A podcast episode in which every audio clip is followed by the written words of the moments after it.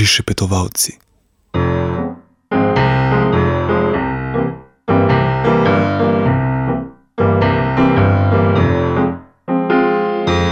Želim živeti brez skrbi in tu jaz tiskam me ne briga. Vem, kar je treba vedeti. Življenje je odprta knjiga, naj svet se kolje in mori, naj sam si zliže svoje rane. Nič več ne maram slišati, ne kvarite mi kembane. Največ je vreden mir, največ je vreden mir.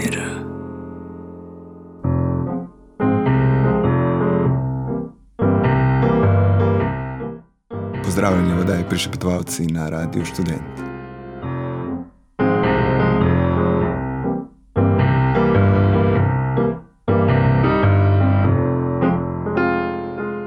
Volitve so bile dolga leta zelo ustrajno in zelo stabilno strukturirane kot laž. Da so volitve sploh lahko obstajale in vzdrževale videz pomembnosti, so stranke, ki so na njih nastopale, morale lagati. Morale so prodajati videz, da so boljše, kot dejansko so, da lahko storijo več, kot so dejansko zmožne, da imajo državljane raje, kot jih imajo v resnici. In čeprav nekatere stranke lažejo še naprej, in čeprav nekateri voljivci na ta občasni blev še naprej tudi nasedajo, se je ta osnovna struktura demokratičnega procesa v zadnjih letih sesedla sama vase. Lažejo samo še nekateri, lažni videz zgradijo le še redki, le še tisti, ki so za zunanjega opazovalca v tem res ekstremno prozorni.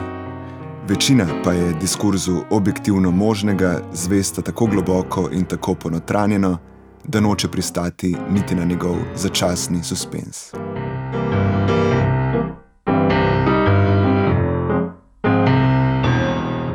Za večino politikov ni več dovolj, da se njihov socialni čut, recimo, razblini šele po volitvah. Do skrajnosti reduciran mora biti že v sami kampanji. Ne bomo lagali, pravijo politiki. Ne bomo lagali, da lahko storimo več, kot je mogoče.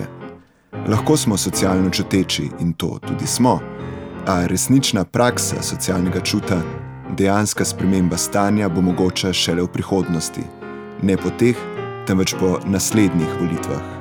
Zato ta hip še ne bomo obljubili ničesar, razen tega, da bomo.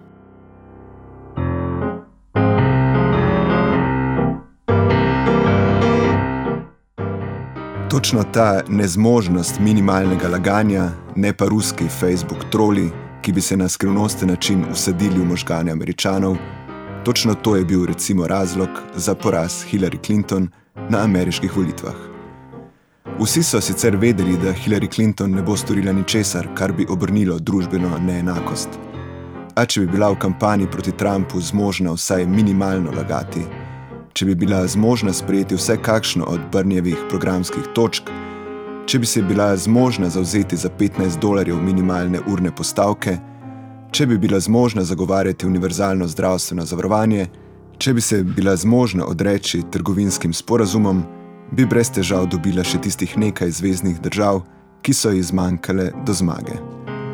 Vsi bi dejansko vedeli, da v principu laže, a ker bi lagala za voljivce, ker bi bila ona z njimi, ne pa oni z njo, ker bi s tem pokazala, da je vsaj minimalno mar za to, kaj želijo, bi ji oprostili tudi njene realne namene. Ali je Trump nasprotno v svojih izjavah lagal privatno ali zgolj sistemsko, le toliko torej, koliko je bil kandidat republikancev, niti ni bistveno. Njegova poza je funkcionirala ravno zato, ker je bila poza. Ravno zato, ker je bil zmožen demonstrirati minimalno ambicijo po spremembi stanja.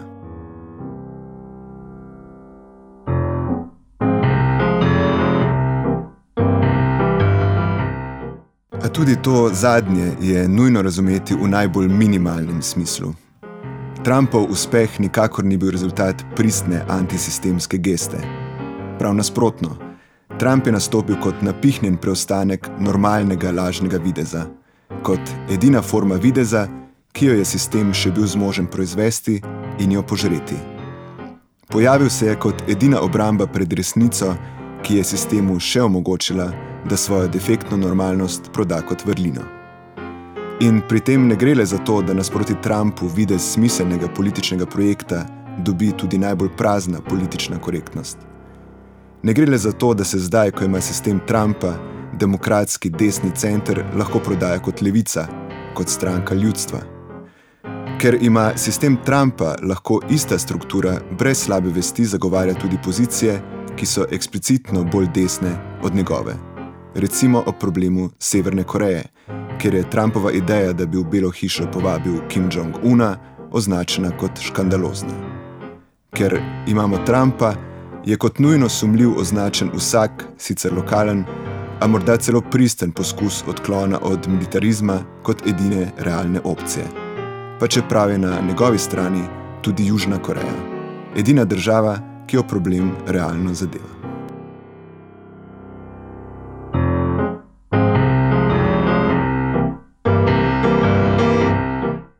Trumpa skratka ne gre precenjevati tudi v nasprotni, afirmativni smeri. Tako kot ga ne smemo razumeti kot produkt ruske zarote, ga ne smemo precenjevati tudi kot nujen pojav, ki mu je bilo povsem neogibno usvojeno, da zmaga. Preprosto zato, ker njegova politična eksistenca temelji na perverznem obratu realne kritike sistema, ki je v prvem krogu ameriške predvolilne kampanje v podobi Bernia Sandersa že bila artikulirana in bi, če demokratski establishment tega ne bi preprečil, tudi prišla na oblast.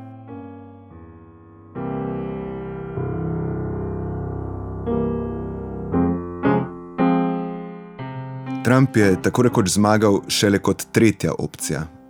Njegovo zmago bi lahko preprečila realna, pa čeprav še vedno preblaga kritika sistema. A premagala bi ga lahko tudi sistemska kandidatka, če bi bila realno kritiko sistema zmožna preobraziti v serijo enostavnih laži. Status quo je skratka skoraj mrtev, a to še ne pomeni, da je njegov poraz politično nujen. Ne vedno in ne povsod, a ponekod bi lahko zmagal tudi po stari formuli. Če le ne bi imel svetovalcev, ki v politiko možnega verjamejo še za stopnjo bolj od samih politikov in ki potopljeni v svoje marketinške učbenike še nekoliko bolj odmislijo ljudstvo. Tudi ljudstvo je namreč pretežno sistemsko ljudstvo, če ga v to ne prepričamo in mu ne ponudimo miselnega materijala, samo po sebi noče revolucije, noče radikalne spremembe. Hoče le, da mu politika, če drugega ni zmožna, vsaj uljudno laže.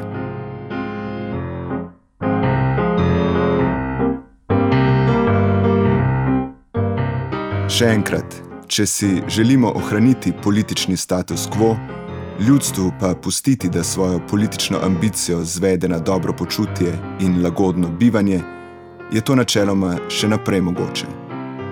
Ljudstvo, ki hoče dobro počutje, hoče tudi čisto vest.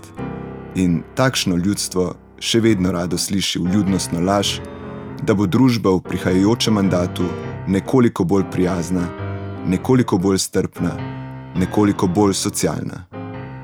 Takšno ljudstvo še vedno rado sliši, da bo tisti del ljudstva, ki živi v revščini, nekoč prispel do stopnje dostojnega življenja.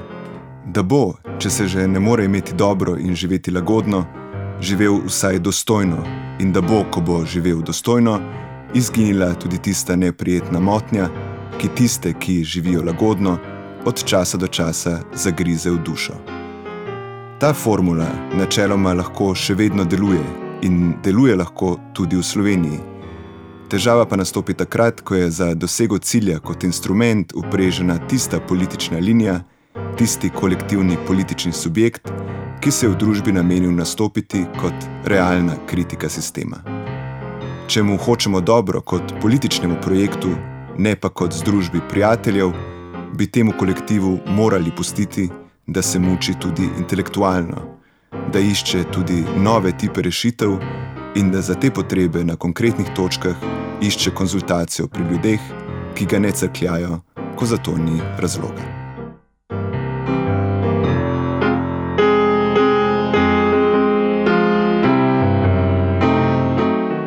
Pa vendar, mar niso mladina in kup levičarskih intelektualcev levici hoteli samo dobro? Je mar niso podprli? Mar za njo niso agitirali? Je mar niso spodbudili, da poveča svoje ambicije in iz parlamentarne opozicije prestopi v više sfere? In mar niso s tem pomagali, da pride do devetih poslancev? In niso s tem odprli prostora, da v prihodnosti postane še močnejša? Je sploh lahko kaj slabega na tem, da čim več glasov dobi stranka, ki je na praktično vseh programskih točkah boljša od drugih?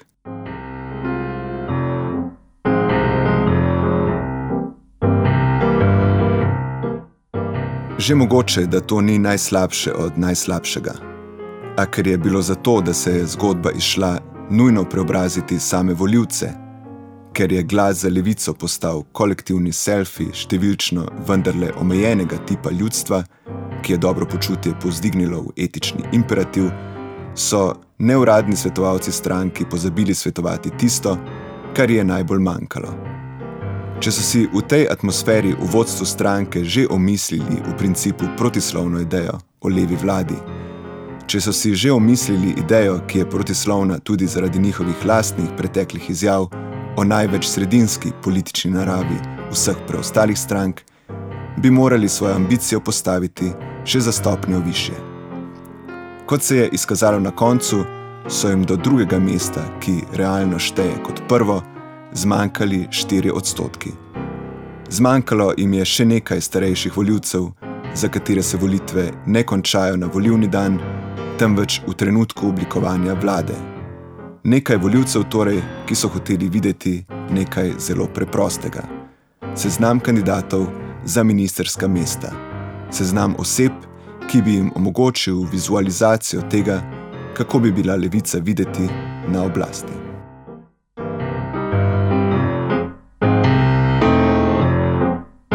In ker levica ni domislila nobenega imena, ker ni razkrila imena finančnega ministra, ker ni domislila imena ministra za okolje, ker ni domislila imena ministra za šolstvo ali znanost, se je vizualizacija njenega sodelovanja v vladi zatekla v spontano abstrakcijo, ki jo je, kar je resnično nenavadno, najbolj čisto artikuliral nihče drug kot Slavoj Žižek.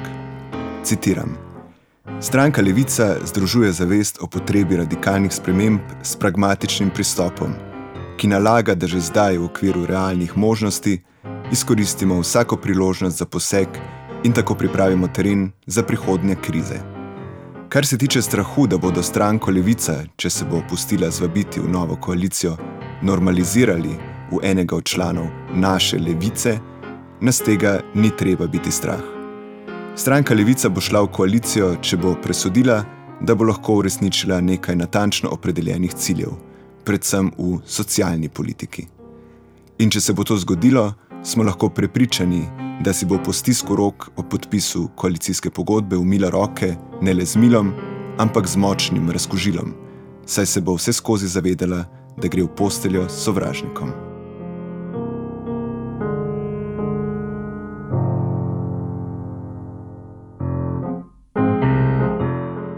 Žižkova spekulativna rešitev dileme, po kateri si levica mesto v vladi zasluži prav zato, ker vanjo ne spada, je v svoji načelni kontraintuitivnosti morda celo zanimiva. A če se bo v posteli sovražnikom zavlekla v svoj levi kot, bo njena politika postala primerljiva s kmečko gospodinjo, ki moža kdaj pa kdaj namaha s kuhalnico, v trgovino pa se vendarle odpravi z njegovim denarjem. Leve vlade skratka ne naredijo leve ideje v socialni in kulturni niši.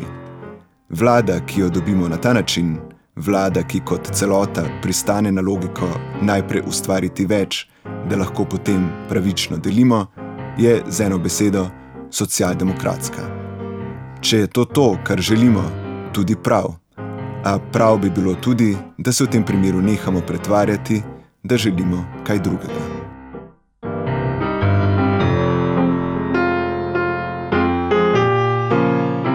Če smo mnenjskim voditeljem sledili med vrsticami in če nismo pozabili na njihovo omahovanje, da bi se takrat, ko je bil za to čas, do konca odrekli stranki modernega centra, je sicer jasno, da je njihovo deklarativno podporo levici potihem vselej spremljala simpatija do strank manjšega zla.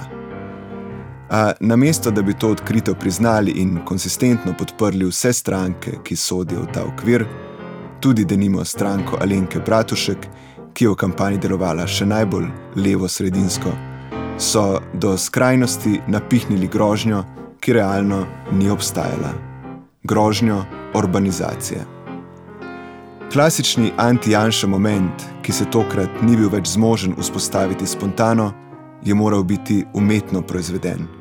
Moral je biti izsiljen, oblikovan je moral biti po tuji podobi. Ker pa kot tak kljub vsemu ni uspel sprožiti pristne bojazni, je njegov domet sovpadel z njegovo osnovno funkcijo - zasilno rešitvijo miselne zagate. Le z grožnjo Janša kot Orbanovega sluge je bilo mogoče združiti nezdružljivo, ne da bi to dejansko izrekli. Le s to grožnjo je bilo mogoče hkrati ohraniti videz neokrnjenega progresivizma in realno željo po pragmatičnem kompromisu. Le s to grožnjo je bilo mogoče hkrati podpreti levico in ščititi hrbet Cerarju in Šarcu. Politično je to brez dvoma razumljivo, morda tudi legitimno, načelno pač ni.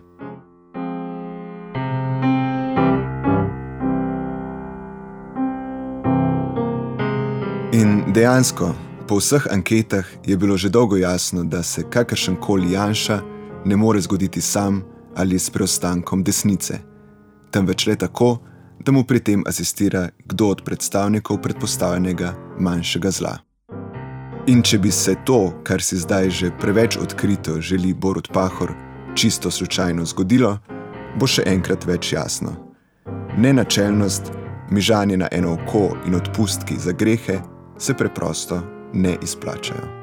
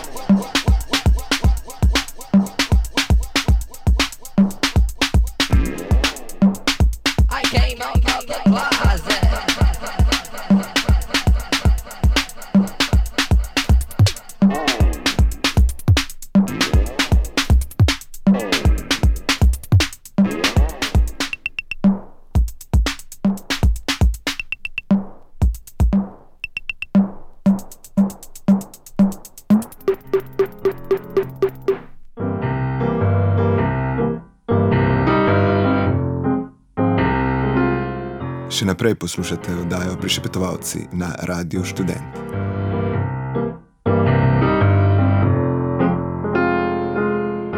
Na začetku smo govorili o tisti sistemski poziciji, ki jo je v najbolj čisti obliki utelesila Hillary Clinton.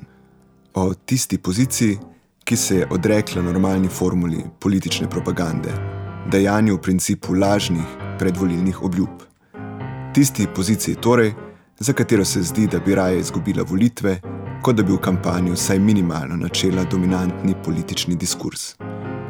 In čeprav je bil dejansko Miro Cerar tisti, ki je pri nas prvi izvedel preobrat, po katerem je odsotnost obljub nastopila kot vrlina, je v letošnji kampanji v tem športu brilirala stranka SD.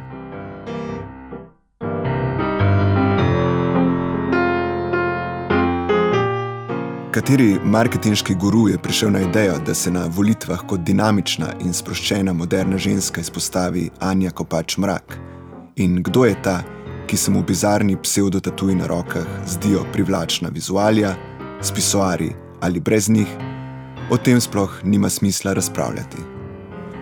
A če so v vizualijah igrali na naslovnika, ki sploh ne obstaja, so na ravni vsebine svojo dejansko pozicijo predstavili tako neskončno iskreno, da so izpadli slabši, kot celo dejansko so. Že v momentu ad hoc koalicije SMC in Levice ob vprašanju socialne pomoči so se odločili, da je politično modro v parlament poslati ministrico za delo in ji pustiti, da brani svojo originalno rešitev problema. In čeprav je na papirju lahko imela prav, in čeprav je bila igra SMC do skrajnosti svetohlinska, bi v tistem momentu preprosto morala udariti kontro, se pridružiti predlogu in ga po možnosti še nadgraditi.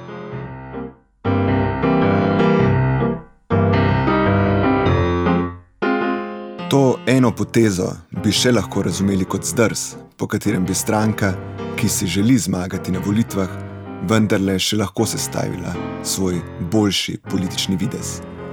A namesto tega so se v SD odločili, da s tem nadaljujejo in svoj prostor, sam Bog ve zakaj, poiščejo v zavetju vrčevalne formule. Ravno tiste formule, od katere je za ta nekaj mesečni predvolilni hip odstopil Miro Cerar. Raba te formule pa ni bila zgolj dobesedna, ni bila le floskula, ki uide z jezika ko jo prevečkrat slišiš.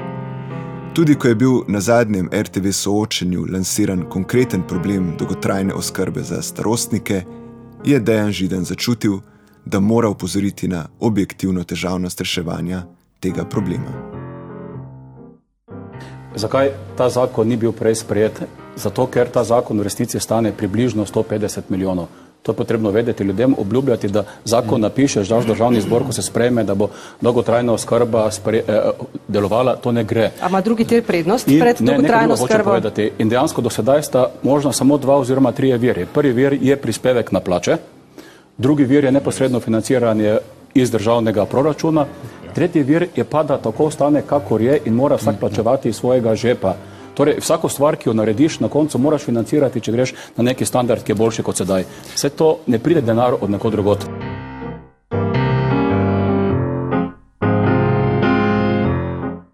Tako kot Anja Kopač Mrak, je tudi Židan na določen način lahko imel prav.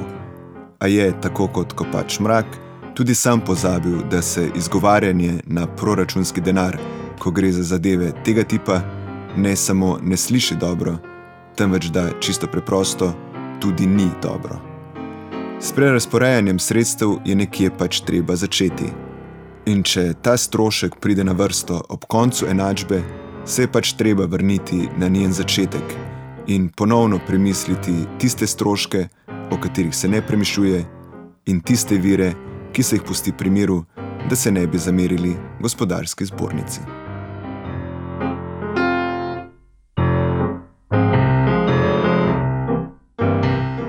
Kakorkoli. Stranka SD je kampanjo začela z možnostjo zmage, na koncu pa je pred popolnim polomom rešila zgolj prastara inercija. Zgolj dejstvo, da so mnogi voljivci postavili v oklepaj njene izpostavljene predstavnike in se postavili v bran zgolj njeni prazni ideji. A če SD na teh volitvah predstavlja ekstremen primer stranke, ki je kampanjo zavozila in je rezultat, ki ga je dosegla, dosegla kljub kampanji, pa nikakor ni edina, ki bi brez večjih težav, če bi le hotela, lahko dosegla tudi enkrat višji rezultat.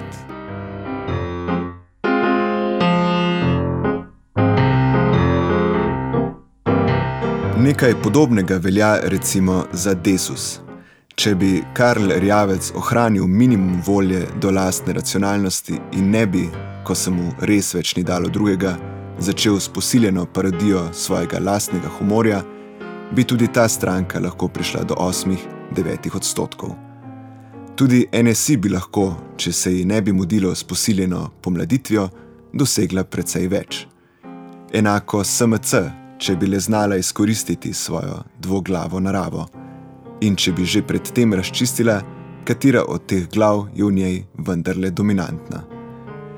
Edina stranka, ki je dosegla svoj notranji maksimum in bi lahko dosegla več le pod pogojem večje zunanje podpore, je stranka Alinke Bratušek.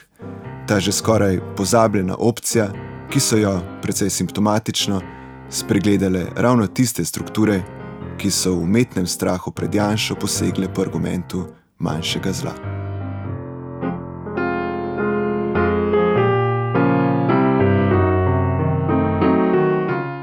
Zgodba Marjana Šarca je nasprotno povsem specifična.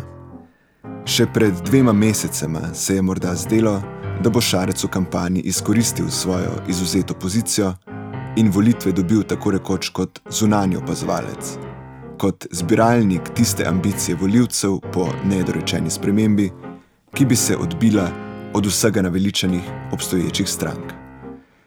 Zdelo se je, da bi lahko profitiral na zmedi in dezorientaciji. A čeprav zmeda in dezorientacija nikakor nista izginili, sta se po Cererjevem odstopu na nenavaden način dinamizirali.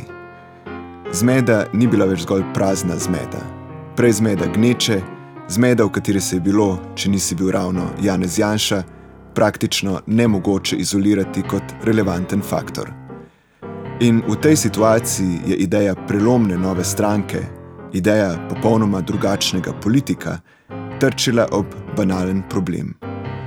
Ker so vse konkurenčne stranke nekako enako brcale, nobena od njih pa kljub vsemu ni prišla do točke, ko bi jo voljivci prostodušno eliminirali iz igre, je ta kot da prelomna nova stranka v prvi vrsti izpadla kot zgolj še ena dodatna stranka ne kot nova, temveč kot zgolj še ena stranka, ki bo samo še bolj zasičila že tako zasičen politični prostor.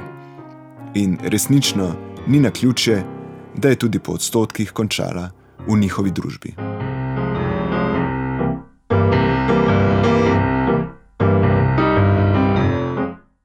In tako smo dobili situacijo, ko se je na poziciji verjetnega mandatarja znašla figura, ki je še pred svojimi prvimi parlamentarnimi volitvami prišla v pozicijo, na kateri se predsedniki vlade znajdejo proti koncu mandata.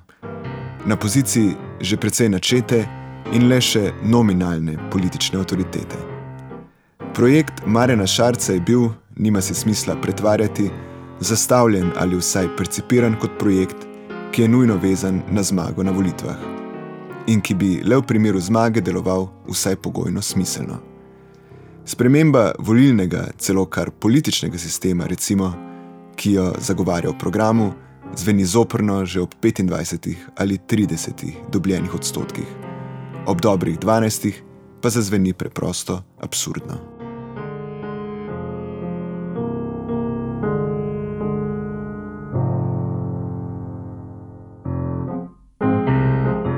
Očitno je torej, da bo Marjan Šarec, če postane predsednik vlade, moral ponovno iznajti samega sebe, še preden se je sploh vzpostavil.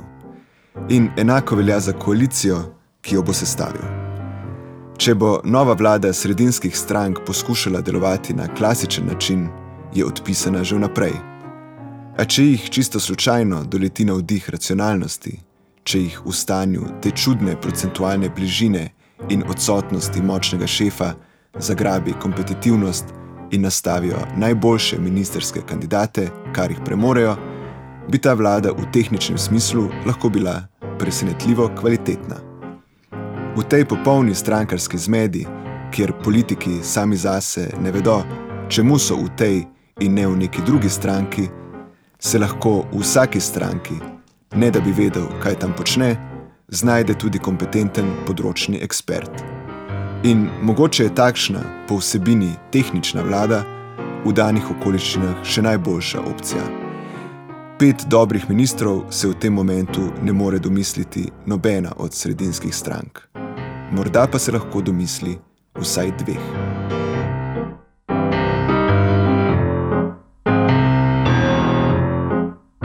Ideja tehnične vlade, vlade ekspertov, je načeloma jasno, silno problematična. Kadarkoli se je pojavila, je bila namenjena kupovanju časa.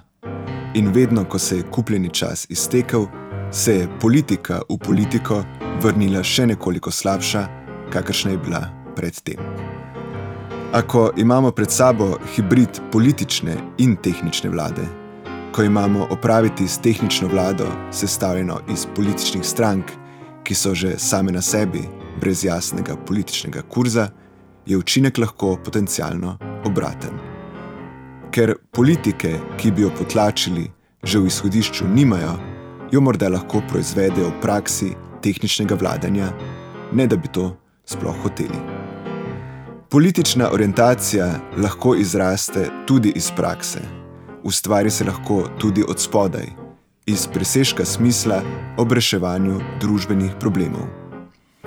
In če je bivanje na oblasti edini način, da stranke na sredini stopijo v stik s terenom in v tem stiku iznajdejo svoj dejanski kurs, je to definitivno boljša rešitev kot njihovo prisilno levičarjenje s pomočjo zunanjega dodatka.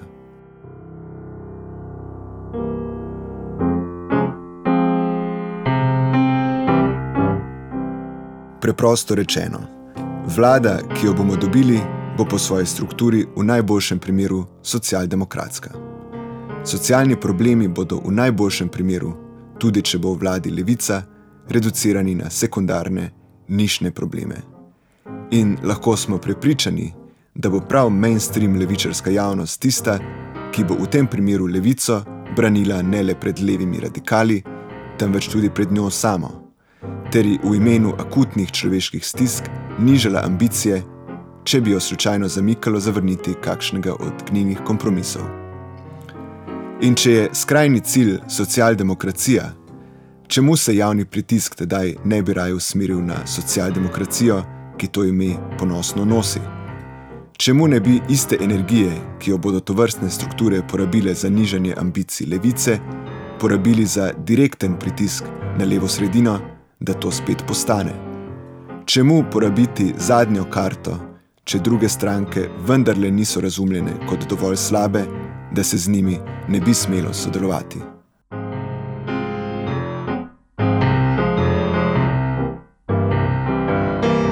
Da bi ob tem relativno še vedno prešipkem rezultatu levica znotraj vlade stvari lahko postavila na glavo, je jasno znanstvena fantastika.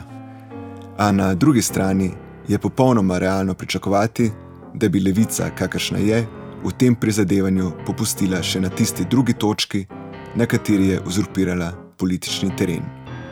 Ob tisti temi namreč, ki naj bi tvorila eno od dveh jeder njene politične orientacije.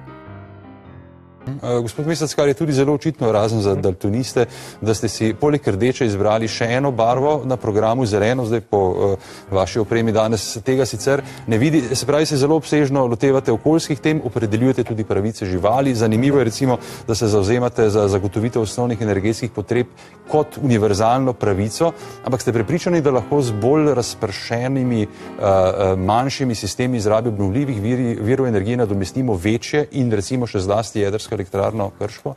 Um, zdaj najprej uh, naš. Uh, uh, Naš uh, energetski koncept bomo izdelali tekom mandata, to je opredeljeno tudi v programu. Ne? Piše, da bomo uh, izdelali plan za prehod na obnovljive vire energije. Kakšna bo časovnica, uh, bomo komunicirali takrat, ko bo to uh, jasno. Uh, smo proti neko dve, ker bi bila to še ena investicija vredna več milijard evrov, v bistvu pa pomeni pač nabavo nekega uh, več milijard uh, evrov uh, težkega materijala iz tujine, uh, medtem ko po drugi strani, recimo bil sem zasavski poslanc v tem mandatu in smo se pogovarjali o tem, zakaj ne izgradijo elektraren, hidroelektraren na Srednji Savi, ki so okoljsko vzdržne, pa je bil odgovor odgovornih, da se to pač ne splača, ker je cena elektrike trenutno uh, preniska. Kar se tiče uh, zagotavljanja energetskih pravic, ja, mi smo za univerzalno odpravo energetske revščine. Nažalost je za številne, predvsem za upokojence, vdove in tako naprej, to velik problem.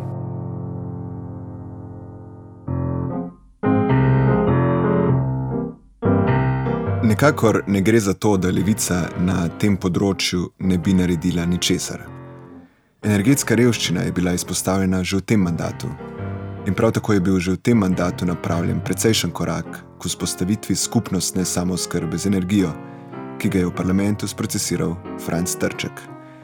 A če stranka, ki želi biti ekosocialistična, z lastnim predlogom energetskega koncepta odlaša na čas naslednjega mandata, Če torej ob soočenju s podnebnimi spremembami še vedno ne dojame urgentnosti problema, postane očitno, da kot politična tvorba še ni dosegla potrebne konsistence. Ekološka kriza pač ni izoliran opcijski problem. Če jo vzamemo resno, zahteva celostno prerasporeditev političnih prioritet in porušenje običajne hierarhije družbenih problemov. In dokler stranka svojega odnosa do ekologije ne razčisti, je mnogo bolje, da ostane zunaj vlade. Lahko smo namreč prepričani, ko in če se bo levica znašla v vladi, bo njeno delo morda dobro, a njena politična optika se bo v preokupiranosti z reševanjem akutnih problemov nedvomno sproščila. Zeleni bedži, kot je ugotovil Igor Bergant, so redki že zdaj. In če se stranka na tej fronti ne namerava ukrepiti, jih kmalo sploh več ne bo.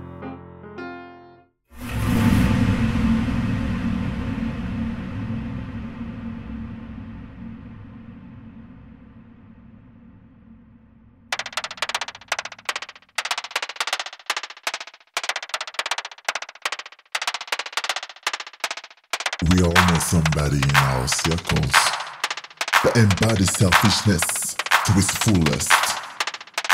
She has no motherfucking shame.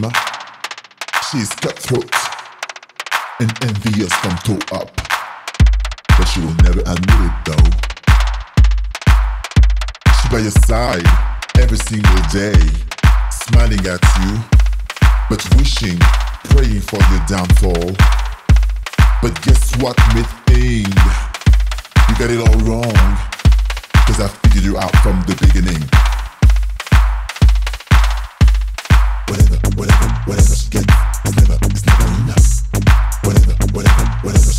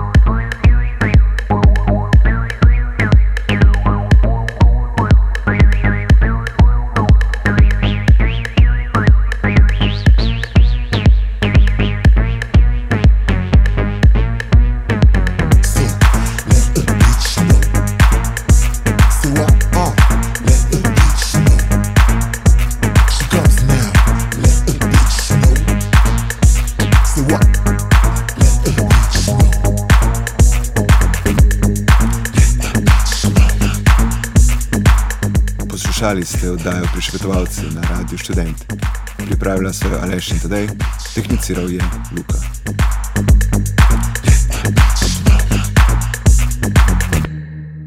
Prišepetovalci.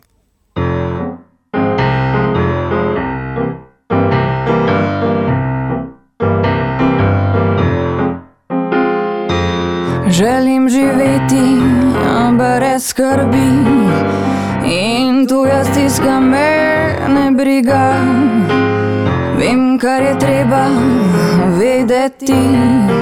Življenje je odprta knjiga, naj svet se kolje in mori, naj sam si zliže svoje rane. Nič več ne maram slišati, ne kvarite mi kemban največ je vreden mir, največ je vreden mir.